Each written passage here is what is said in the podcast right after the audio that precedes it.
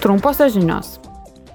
Pirmadienio rytą Turkija ir Sirija sukrėtę žemės drebėjimas jau pareikalavo tūkstančių gyvybių, tačiau daug žmonių tebėra įstrigę po griuvėsiais. Ankarai aktyvavus ES civilinės saugos mechanizmą, 19 ES šalių, o taip pat Albanija ir Juotkalnyje pasiūlė atsiųsti savo gelbėjimo komandas. 11 šių komandų jau atvyko į Turkiją. Be to, ES palaiko ryšius su humanitarniais partneriais Sirijoje ir svarsto galimybės ten dislokuoti papildomus išteklius nuo žemės drebėjimo nukentėjusiems gyventojams remti.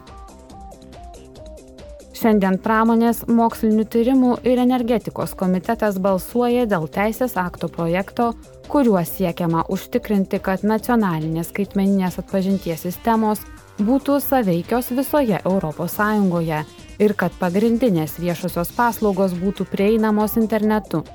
Norima, kad iki 2030 metų ne mažiau kaip 80 procentų piliečių galėtų naudoti skaitmeninės atpažinties technologiją.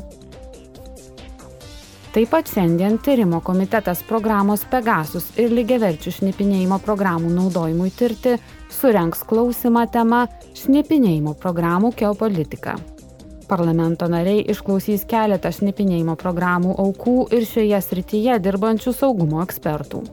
Šio klausimų tęsiamas gruodžio mėnesį įvykęs klausimas, kurio tema buvo šnipinėjimo programų naudojimas trečiosiose šalise ir poveikis ES užsienio santykiams.